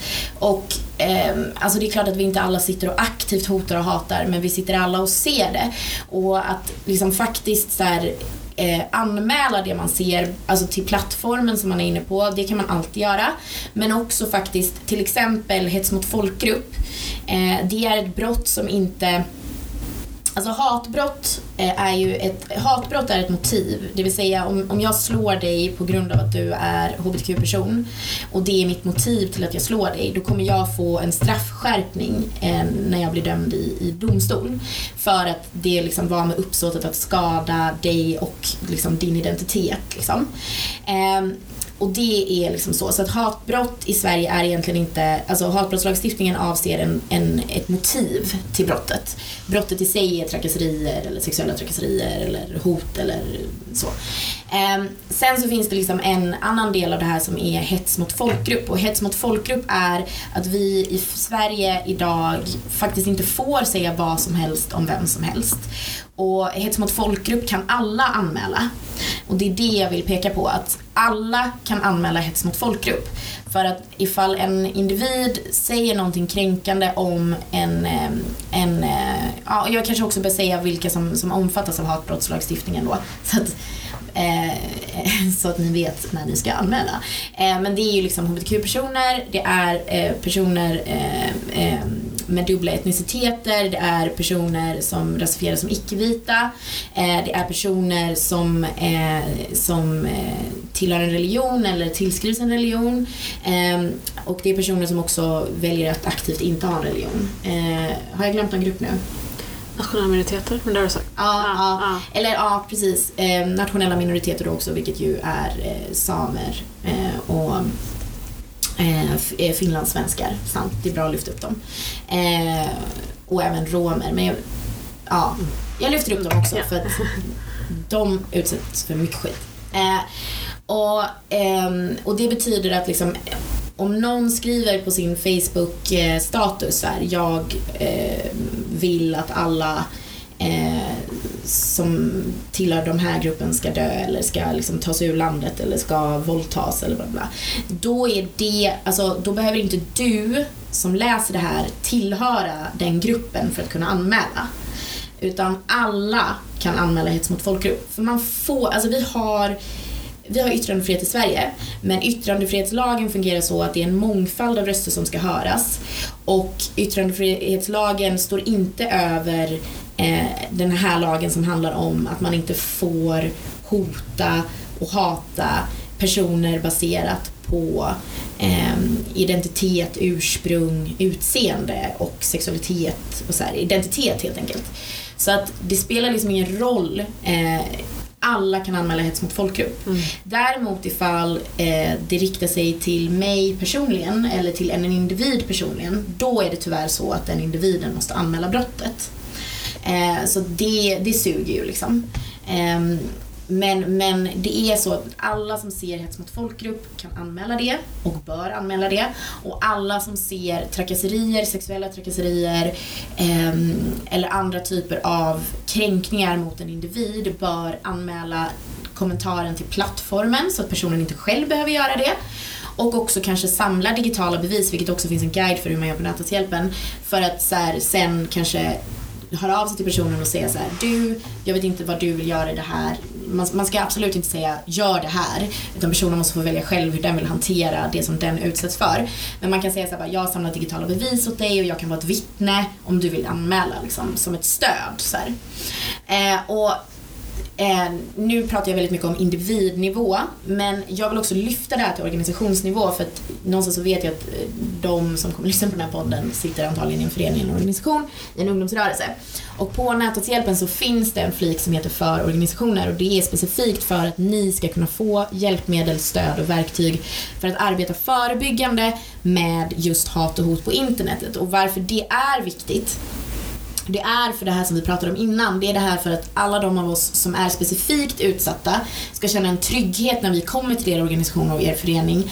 Att ni arbetar med de här frågorna. Så att om vi väljer att vara representanter för er organisation eller förening så gör vi det med vetskapen om att organisationen har vår rygg. Mm. Och att det finns verktyg och struktur på plats för att hantera om hat och hot uppstår.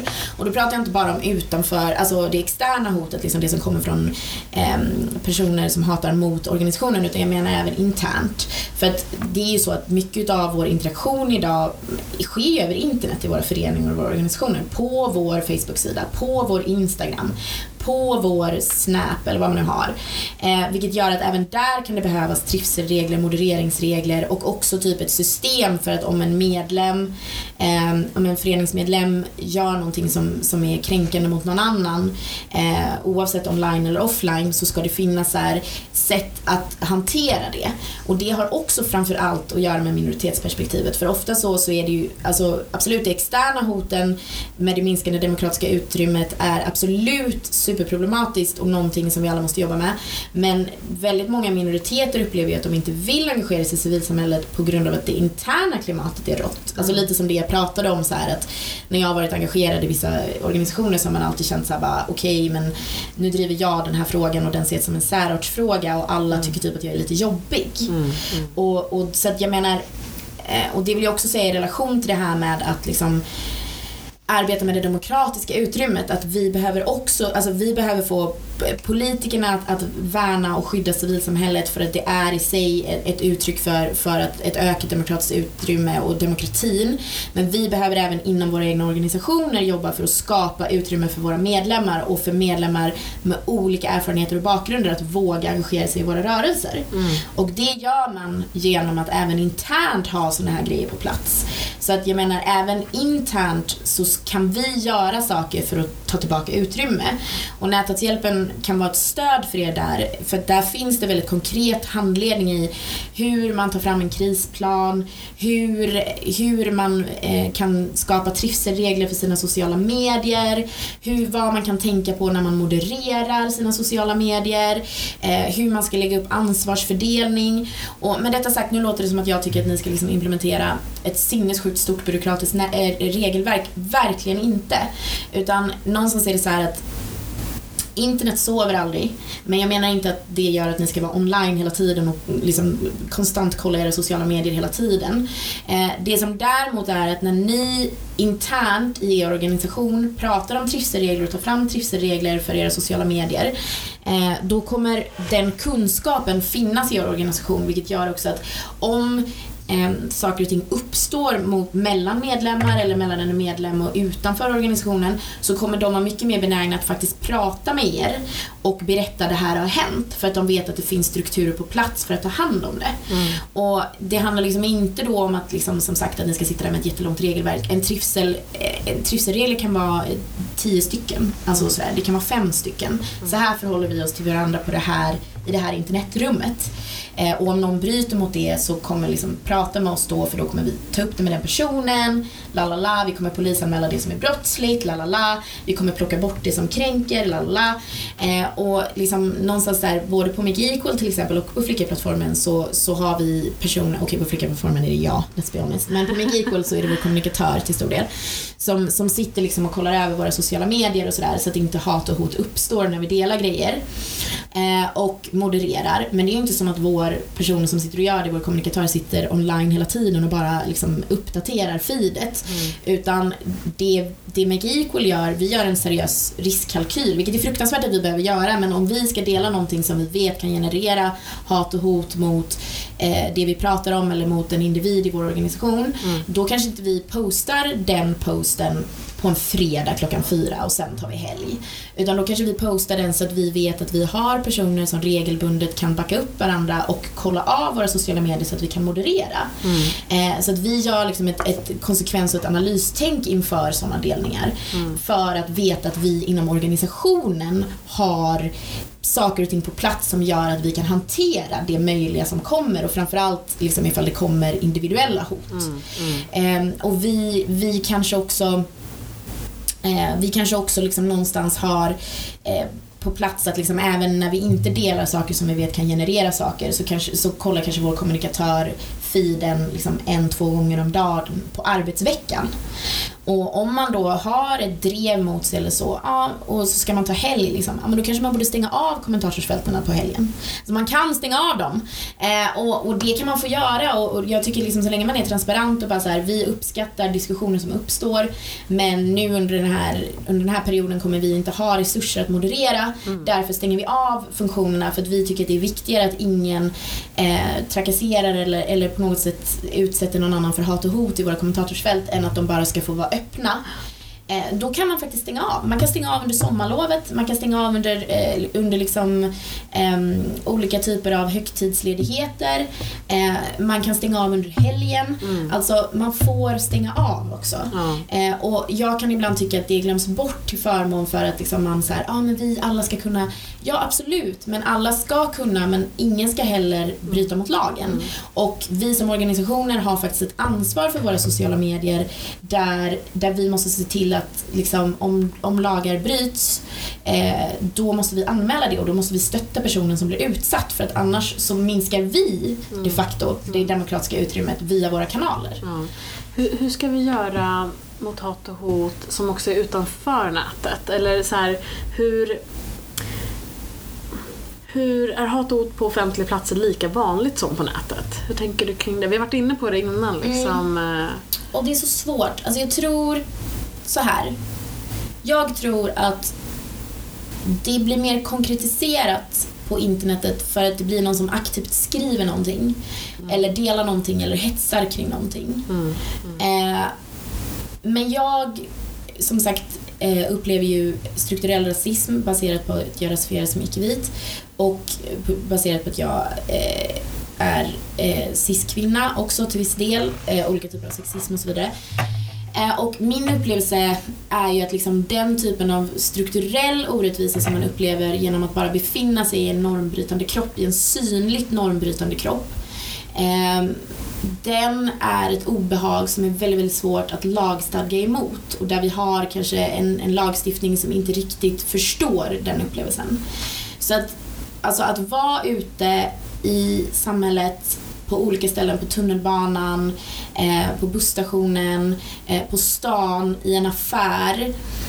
Alltså, även om det som man upplever då som, som normbrytare inte kanske är direkt så här att någon bara jag ska döda dig eller liksom så här, jag hatar dig eller du är ful och äcklig. Alltså även om det inte är det Mm. folk säger till en direkt så som de kanske säger till en på internet. Mm. Eh, så, så är det ju fortfarande det här misstänklighetsgörandet eller otryggheten som jag vet att queera eh, kroppar och liksom icke-vita kroppar och personer med funktionsnedsättning och synliga funktionsnedsättningar framförallt eh, utsätts för. Eh, för att liksom så här, man kan inte använda den entrén som alla andra använder. Och det i sig skapar ett obehag. Eh, man blir förföljd inne på butiken av säkerhetsvakterna. Eh, eller stoppad för att man läses som eh, hotfull på grund av att man rasifieras som icke-vit. Eh, man eh, man eh, liksom märker av heteronormerna när man är liksom, hbtq-person för att samtalet hela tiden utgår från att liksom, man har en, en partner av motsatt kön eller att man har ett binärt kön. Alltså, så här, och, och någonstans så det som, alltså, även om det inte är direkta hot och även om det på många sätt är grejer som, som vi, som lagen inte liksom klarar av att förstå de faktiska psykosociala konsekvenserna för minoriteter i vad det innebär att hela tiden skava lite mot samhället Mm. när man är ute och rör sig i samhället. eh, så, så, så, så på, på något sätt, alltså rent statistiskt sett så är det klart att det sker mer hot och direkta trakasserier på internetet för att folk skriver det där. Eh, men jag skulle vilja säga att det är, en, det är att vara utsatt för en konstant typ av utsatthet att inneha ett synligt minoritetsskap. Eh, i, i svenska samhället när man rör sig på stan. Så att jag tycker liksom att det är på olika nivåer. Eh, men den här anpassningen man gör. Alltså om det så är att man kanske ehm, ja men typ så här, man kanske är icke-binär men, men om man läser som fem eller om man läser som, som, eh, som snubbe så kanske man väljer att så här, ja, ja, jag kommer använda det här pronomenet för att det blir mycket enklare för mig. Det blir mindre normskav, det blir mindre personliga förklaringar. Eller typ så här, ja, ja, men jag kommer typ överartikulera mitt språk här nu för att eh, folk kommer förutsätta att jag eh, har brytning. Eller, eh, och, ja, men jag kommer nog eh, så här, eh, jag kommer liksom eh, klä mig lite extra fint för att bli tagen på allvar. Eller så här. Det är också anpassningar som alla som innehar synliga minoritetsskap gör dagligen för att kunna existera i vårt samhälle. Eh, och även om det tyvärr inte är lagstadgat emot det och jag vet inte ens hur en, lag, en sån lag skulle kunna vara formulerad för att det här är normer och det krävs eh, normkritiskt arbete och, och stora samhällsförändringar så, så är ju det fortfarande någonting som, som bidrar till att många av oss känner att vi har alltid ett, minst, ett mindre demokratiskt utrymme, ett mindre fritt, jämlikt utrymme än personer som är normbärare. Ja. En, en kollega till mig eh, brukar säga så här att eh, lackmustestet för hur bra vår demokrati är, är hur bra minoriteter möts. Alltså hur bra minoriteter mår. Helt enkelt. Det är nationella minoriteter men också minoriteter, alltså alla andra minoriteter som finns i vårt samhälle. Och jag tycker bara det du beskriver visar ja, hur vår demokrati mår helt enkelt. Eh, och och hur, hur allvarligt det är. Ehm, och Och jag vill också lyfta att minoritetsstress is a real thing you guys. Ja, Eh, det finns forskningsstudier på hur, vilka sociala effekter eh, som faktiskt har långtgående konsekvenser för individen som har synliga minoritetsskap och hur den mår och hur den påverkas av att hela tiden behöva göra den här anpassningen. Mm. Och vi i LSU har också arbetat med den inom HEL också. Eh, och det, det är ett fortsatt arbete som måste göras även efter liksom HEL avslutas nu. Men jag tänkte också på det här med nazistiska, alltså nazistisk organisering. Ehm, och Och hur- rasistisk organisering. Ja, absolut. Eh, I vårt parlament. Inte så jävla långt ifrån. Ehm, men de former av organiseringarna, liksom, eh, att det är så viktigt att vi alltid bevakar det. Men, 100%. men, men också förskjutningarna innan. Eh, Det tycker jag vi lite missar i Sverige. Att så här, vad har gjort det möjligt för nazister att kunna gå ehm, och marschera i allt från så här, Ludvika till Almedalen? Vad är det möjligt, alltså att vi kan acceptera det. Alltså att, att polisen också beviljar att våra politiker inte svarar mot det. Att de nu väljs in i våra parlament, alltså i, i parlament men också i, i kommuner. Alltså så här, vad är det, och hur, hur bromsar vi det? Så jag tror att det är så oerhört viktigt att liksom att ehm, i det offentliga rummet och på, på internet som är ett digitalt offentligt rum liksom, att börja bevaka det. Och det som, för mig är skillnaden mellan de två att det är lättare att se på nätet. Mm. Eh, både utveckling och förskjutningar men inte i, eh, i, i, eh, utanför internet. Eh, och framförallt inte när det sker av statsförvaltningen själv också. Eh, utan det är ju mönster över tid, alltså flera år som man- vi måste liksom hålla koll på. Eh, och för mig, det är som sagt det som är krympande utrymme. Men jag vill, jag vill ändå ehm, nu ska jag tänka att jag ska försöka så här, vad är då ett växande demokratiskt utrymme? Ja. Hur kan vi, hur, vilka resurser krävs för att skydda oss i civilsamhället? Mm. Eh, Hur ser lag- lagstiftningen ut? Hur kan hat och hot, alltså eh, hur kan vi förebygga så att det inte Mm. händer mot våra eh, demokratibärare och hur, som sagt, hur skapa ett växande demokratiskt utrymme? Ja. Fokusera på möjligheter och lösningsfokus. Det är Equal eh, all for. Ehm, ja, för det första så, jag kommer komma tillbaka till det här för jag vill ändå lyfta det igen. Långsiktig finansiering eh, ungdomsrörelsen och civilsamhället i stort behöver mer, tryggare och bättre långsiktig finansiering och mindre projektfinansiering. För att konsekvenserna av projektfinansieringen som idag är så mycket större är att liksom då, då styrs civilsamhället helt plötsligt från den politiska agendan för de kastar ju in pengar på de områdena som som just nu är politiskt aktuella och det, det hindrar ett långsiktigt arbete. Och det ger också politiken inflytande över civilsamhället på ett sätt som faktiskt inte är okej okay, tycker jag. Eh, så dels är det det, men också så här, en tryggare, starkare grundfinansiering. Det på något sätt är ett motverkande mot, eller det är att öka det demokratiska utrymmet. Det är en del. Eh, den andra delen är, precis som jag säger, att vi även internt i våra organisationer och föreningar måste fundera kring vilka våra medlemmar är och hur vi ser till att alla oavsett vem man är, hur man ser ut och vad man står för känner sig välkomna. Okej, kanske inte vad man står för för är man ett politiskt ungdomsförbund så ska man ju uppenbarligen tycka en viss sak. Men, eh, men att alla känner sig välkomna. Eh, och och det, det kräver faktiskt en genomlysning av organisationen. Vilka normer finns där på plats? Och hur kan vi förebygga?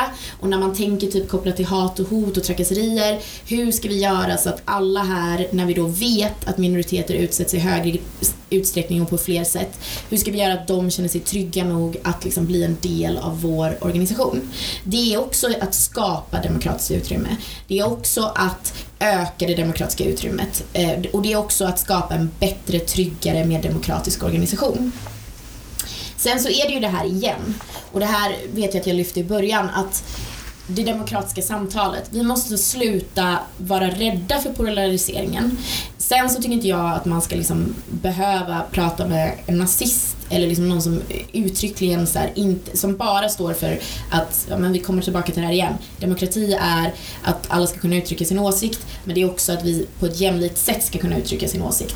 Och högerpopulister och eh, även vänsterpopulister till viss del men också eh, nazister och rasister framförallt och fascister de, de vill ju kunna uttrycka sig fritt. Och det är väl en demokratisk grundtanke absolut. Men de vill inte att vi ska kunna göra det på jämlika sätt. Och det är där som är väldigt viktigt att komma ihåg distinktionen till varför de är antidemokratiska och därför bör inte kunna ingå i det demokratiska samtalet.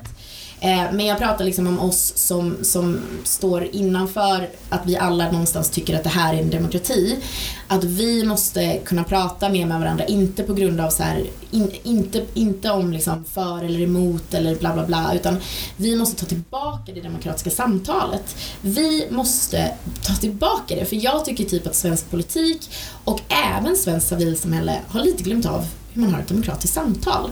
För att nu är det så att vi pratar bara om värdefrågor och vi pratar bara om för och emot och man ska ta ställning och man ska liksom bla bla bla. Och det tycker jag också, alltså jag tycker inte att det är fel men vi måste problematisera det och också mötas mer i riktiga demokratiska diskussioner där vi ser varandra som demokratiska eh, meningsmotståndare Eh, och liksom någonstans tycker att det här är politik, det här är demokrati. Demokrati är inte att vi alla ska tycka likadant, för då är det inte en demokrati. Däremot så kan man inte så här, sitta och säga vad som helst som kränker andra personers eh, liksom, eh, identiteter och rättigheter. Och man kan inte eh, tycka att jag ska få höras och du ska inte få höras. För det, det är antidemokratiskt. Eh, och, så det gör också att, liksom, och det kommer in till min nästa punkt här, att, att Eh, förutom att vi alla måste värna om ett bättre demokratiskt samtal och skärpa oss lite, helt ärligt, vi måste skärpa oss lite. Vi måste sluta hålla på eh, och bara skälla på varandra över så moraliska frågor istället för att faktiskt prata om sakfrågan. Alltså kan, kan snälla eh, alla liksom eh, eh, progressiva politiska tänkare istället för att bara så här, ha ha ha, den här personen är det, kan den personen bara bemöta personens argument istället. Eh, Um, förlåt, jag kommer av mig. Men, men det jag vill säga är att eh, Make Equal driver och kommer fortsätta driva det här med att man ska förbjuda rasistisk organisering. Och det, det är också eh, det är faktiskt en, en demokratisk bärande liksom, lag. För att, igen, jag kommer tillbaka till det här, demokrati är två saker. Det är att alla ska kunna liksom, rösta och tycka och det de vill men det är också att vi ska kunna göra det på ett jämlikt sätt. Alltså att vi ska ha ehm, eh, ja men vad är det liksom franska revolutionen? Det är väl eh, eh, egalité och liberté. Alltså vi ska ha frihet och vi ska ha, eh, eh, vi ska ha Jämlikhet. jämlikhet. Och det är egentligen de två. Alltså egentligen borde vi säga det på franska. Eh, Ligité och liberté. Inte för att fransmännen faktiskt implementerade det under sin revolution där. Eh, utan eh, quite colonial if you know what I mean.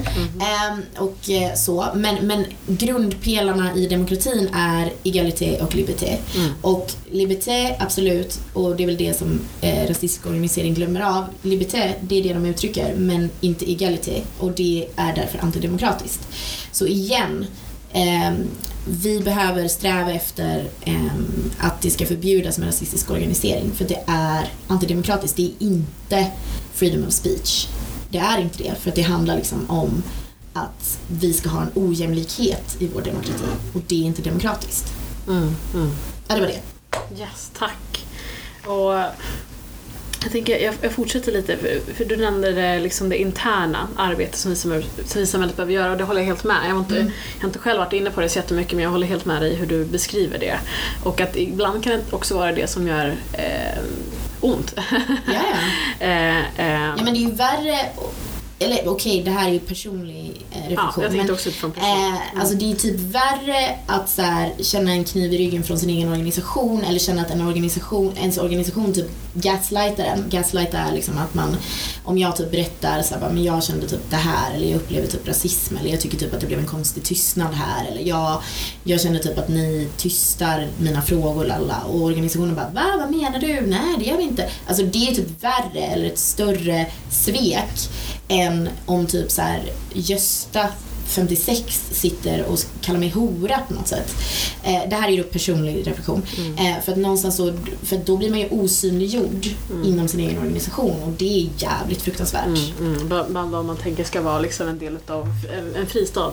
Exakt. Eh, och samtidigt tycker jag det säger att vi båda tycker det här säger också hur mycket vi har normaliserat eh, Mm. ett externt hat och hot. Mm. Vilket är jättefarligt. Och i ungdomsgenerationer framförallt de som, in, alltså så här, barn som liksom Gud, mycket ja. växer in i det här och bara, Gud, ja. men det är väl så det ska vara. Vi får väl bara tuffa till oss och bara, Exakt. herregud, nej, alltså så här, det, det här är så fel. Mm. Eh, På tal om hur så här, det demokratiska samtalet ska vara. Mm. Eh, att vi aldrig heller får acceptera det. Nej, Eh, verkligen inte. Och jag menade verkligen inte så här att vi ställer de grejerna emot varandra. Nej, nej, Antingen, nej. antingen Nej, nej. jobbar man internt eller så jobbar man externt. Nej, nej, man måste ju Nej. båda saker. Precis, och jag tyckte du lyfte det så himla bra. Liksom. För att jag vill liksom utgå från alltså, två sektorers arbete nu. Så här, vi börjar med ideella, alltså civilsamhället. Där Mm. tycker jag, de interna, jag håller helt med dig.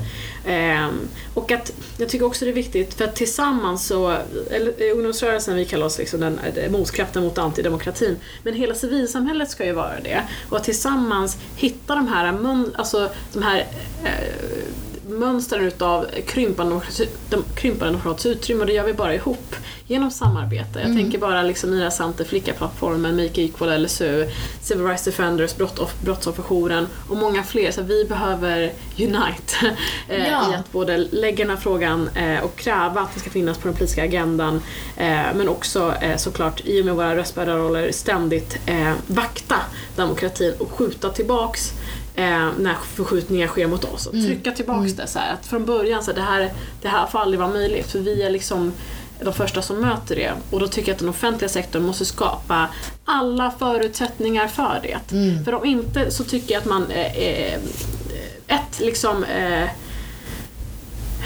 ett vad heter det eh, ordet Eh, Jo, eh, då tycker jag att man urholkar eh, folkrörelser, man urholkar vad liberal demokrati är generellt i Sverige. Mm. Och med det finansieringen, Mm. 100% 100% till civilsamhället. It's all about the money. På, på, på riktigt. Och så tycker de att det är gira. Bara, Nej, det är vi inte. Vi är inte giriga. Utan vi, liksom, vi får mindre och mindre varje år. Våra medlemmar möter ständigt konsekvenser utav varje förlorad krona. Ja. Och sen så har ni minskat det i år, att ni ens vågar göra det. Mm. Mot de som skapar demokrati. Och jag tycker det är så, det är så sjukt att det händer. Liksom. Dig. ökat statsbidrag. Så att pengar, om det nu ska gå till säkerhet, jag vet att det finns ett särskilt bidrag till det, men det är otillgängligt. Men om pengar ska gå till säkerhet så måste det finnas från, från grunden. Mm. Och egentligen, pengar som ska till säkerhet, det borde liksom vara helt eh, det, det borde vara kompenserat på alla sätt och vis utav, utav staten tycker jag. Ja, Ehm, 100%. men också liksom, eh, som sagt statsbidraget, ett ökat statsbidrag. Eh, men också att vi, vi måste bemötas och behandlas utav offentlig sektor som demokratibärare. Alltså att det inte bara är förtroendevalda inom partipolitiken, konstnärer, journalister utan också vi. För vi tillhör en tredje Vi stats- borde också hamna under det speciella skyddet. Ja, ja. Och vi tillhör, vi är ju eh, en, en kontroll, eller en granskare utav statsmakterna. Ja. Precis som media är liksom. Ja. Återigen, inte mot varandra utan med varandra gör vi det här nu. Ja. Men det måste offentlig eh, sektor erkänna och prioritera i vilket skydd som skapas. För det skapas sjö- ständig liksom, lagstiftning och så. Och det finns också en handlingsplan som heter Det fria ordets försvar från, eh, jag tror att det var 2018 och den måste kompletteras med en del om civilsamhället. Gud vad bra, jag ska verkligen eh, jag ska verkligen lyfta det här i relation till våra medlemmar och också så här, eh, det här ska vi faktiskt driva opinion om känner jag nu. För att det där är helt sinnessjukt egentligen att vi i civilsamhället inte omfattas av det här speciella skyddet. Ja. Eh, och ja, som vanligt liksom, så, är, så tycker jag att civilsamhället kompletterar eh, statsmakten eh, och välfärdssystemet på så många sätt och på alldeles för många sätt. Alltså, vi har ju tagit på oss uppgifter som egentligen borde ligga i en välfärdsstat. Mm, Eh, men, men vi måste skyddas. Mm. Du har verkligen rätt. Mm, mm. Precis, för det är ju serviceutförare men vi som röstbärare också. Så Ja. Civilsamhället tillhör ju båda de delarna. Ja, och många gånger Eh. så är det ju liksom de här rörelserna som också går ut och får folk att rösta och får folk att engagera sig och får Ja. folk, alltså såhär My Absolut. God, protect us goddammit! Ja, för att vi företräder, alltså så att du företräder dina medlemmar, jag företräder mina liksom. Och då företräder, alltså det är deras röster som hörs. Och om det begränsas så begränsas demokratin också. Så att det blir så här, 100%. eh, det måste behandlas på lika sätt. Och som sagt, för att vi vet, och det är inte liksom, det är inte en godtycklighet utan vi vet att det som händer i världen är ju att, som sagt, jag vill upprepa, det första man ge, när man vill inskränka på demokrati är att ge sig på civilsamhället. Och även om våra beslutsfattare i offentlig sektor inte tror på det vi två säger nu i den här podcasten, var förebyggande i så fall. Liksom, lägg in det här i handlingsplan, lägg in det i lagstiftning som handlar om skydd eh, mot hat och hot. Lägg in det i, i allt som, som berör det här ämnet. Eh, och ta ansvar för det krympande demokratiska utrymmet. Eh, absolut, det gör vi ihop, men jag kommer lägga eh, mer på er för att ni också har ett, resurserna, eh, men också eh, makten att, att, att kunna eh, ge oss förutsättningar att kunna möta det.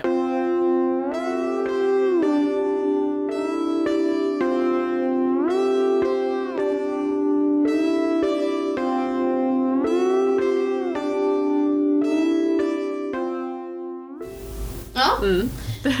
Gud, jag, var, jag har liksom varit så passionerad här. Jag vet inte ens var vi har landat någonstans. Men det, det man kan säga är väl helt enkelt att vi har landat någonstans i att hat och hot påverkar vårt engagemang, våra medlemmars engagemang och civilsamhället i stort.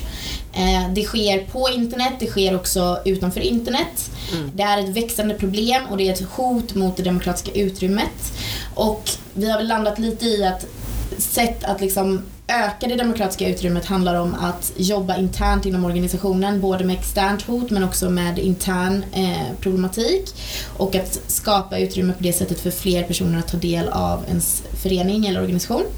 Vi har landat i att det är bra att polisanmäla för att det är bra för statistiken. Vi har landat i att det krävs att personer eh, också liksom är medvetna om att de också kan vara en del av problemet, att personer också kan anmäla till exempel hets mot folkgrupp och så vidare. Eh, vi har landat i att det är viktigt att lagstiftningen ses över och kanske också eh, inkorporera civilsamhället eh, som en speciell skyddsvärd grupp. Eh, att att eh, våra politiker och förtroendevalda förstår vikten av civilsamhället och hjälper till att öka vår finansiering men också säkra långsiktig finansiering. Vi har också landat i att finansieringsbiten är en av de största hoten faktiskt. Eh, inte bara hat och hot utan finansieringsbiten också. Men också, vad var det du sa? Sa du, har jag missat någonting som du har sagt som, vi borde, som borde hända? Nej, jag tycker du sammanfattar det jätte, jättebra. Annars kan ni bara spela tillbaka på den, lyssna på den igen. Yes, exakt. Exakt, jättebra. Eh, vi ser problematiken, vi vet om problematiken, vi vill lyfta problematiken. Men vi ser också möjliga åtgärder som kan hjälpa er. Och som sagt, det här riktar sig mot er som har föreningar och organisationer, använd Nätverkshjälpen. Det finns jättemycket bra hjälp och stöd där. Använd det även som individer men använd det jättegärna som organisationer. Liksom. Eh, jag vill också, eh, på tal om så organisationer och civilsamhället, eh, vi har drivit en kampanj i Almedalen som heter Ta hotet på allvar det finns Mm. en hemsida som heter Ta hotet på allvar.nu. Eh, gå in och eh, skriv på den namn, eh, namnsamlingen, Ja, gör det. Så att vi blir fler som, som synliggörs. Och eh, med det så, det finns så mycket vi kan säga och jag vill bara fortsätta och fortsätta prata med dig Sara för du är som sagt min hjälte. Och tack för allt du Detsamma. gör och det Flickaplattformen gör och Make Equal. Eh, LSU är ju... I love you guys. oh, I love you guys. Världens Japp, finaste. den här podden kommer sluta i ett, eh, ett härligt ja. klappande på våra egna axlar. ja, helt rätt. Alla ni som också. lyssnar, alla ni som är engagerade, eh, ni är så jävla viktiga och det ni gör är fantastiskt och vi, alltså, alltså tillsammans så kommer vi liksom kunna påverka. Alltså vi, det här som vi har snackat om idag som förslag, så om en politiker lyssnar, just take, take notes. Men alltså så här, det är ju frågor som också Flickaplattformen men också LSU men också Equal driver på olika sätt. Eh, men vi, såklart vill vi driva det med er liksom. Eh, för att eh, många av de här idéerna och förslagen kommer också från er, to be Mm. honest. Mm.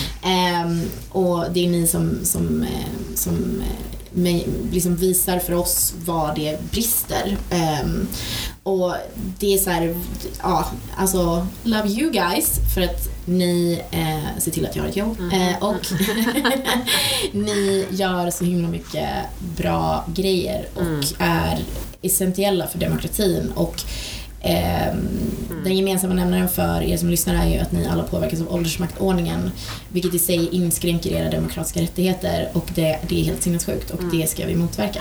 Och verkligen, indeed, love you guys. Och ni är så modiga. Men, eh, jag vill ändå, ehm, jag vill också tacka dig för ditt mod eh, och allt du gör hela tiden, eh, varje dag. Eh, för, Men det är samma, LSU och du är ju svinviktiga. Alltså, love you guys.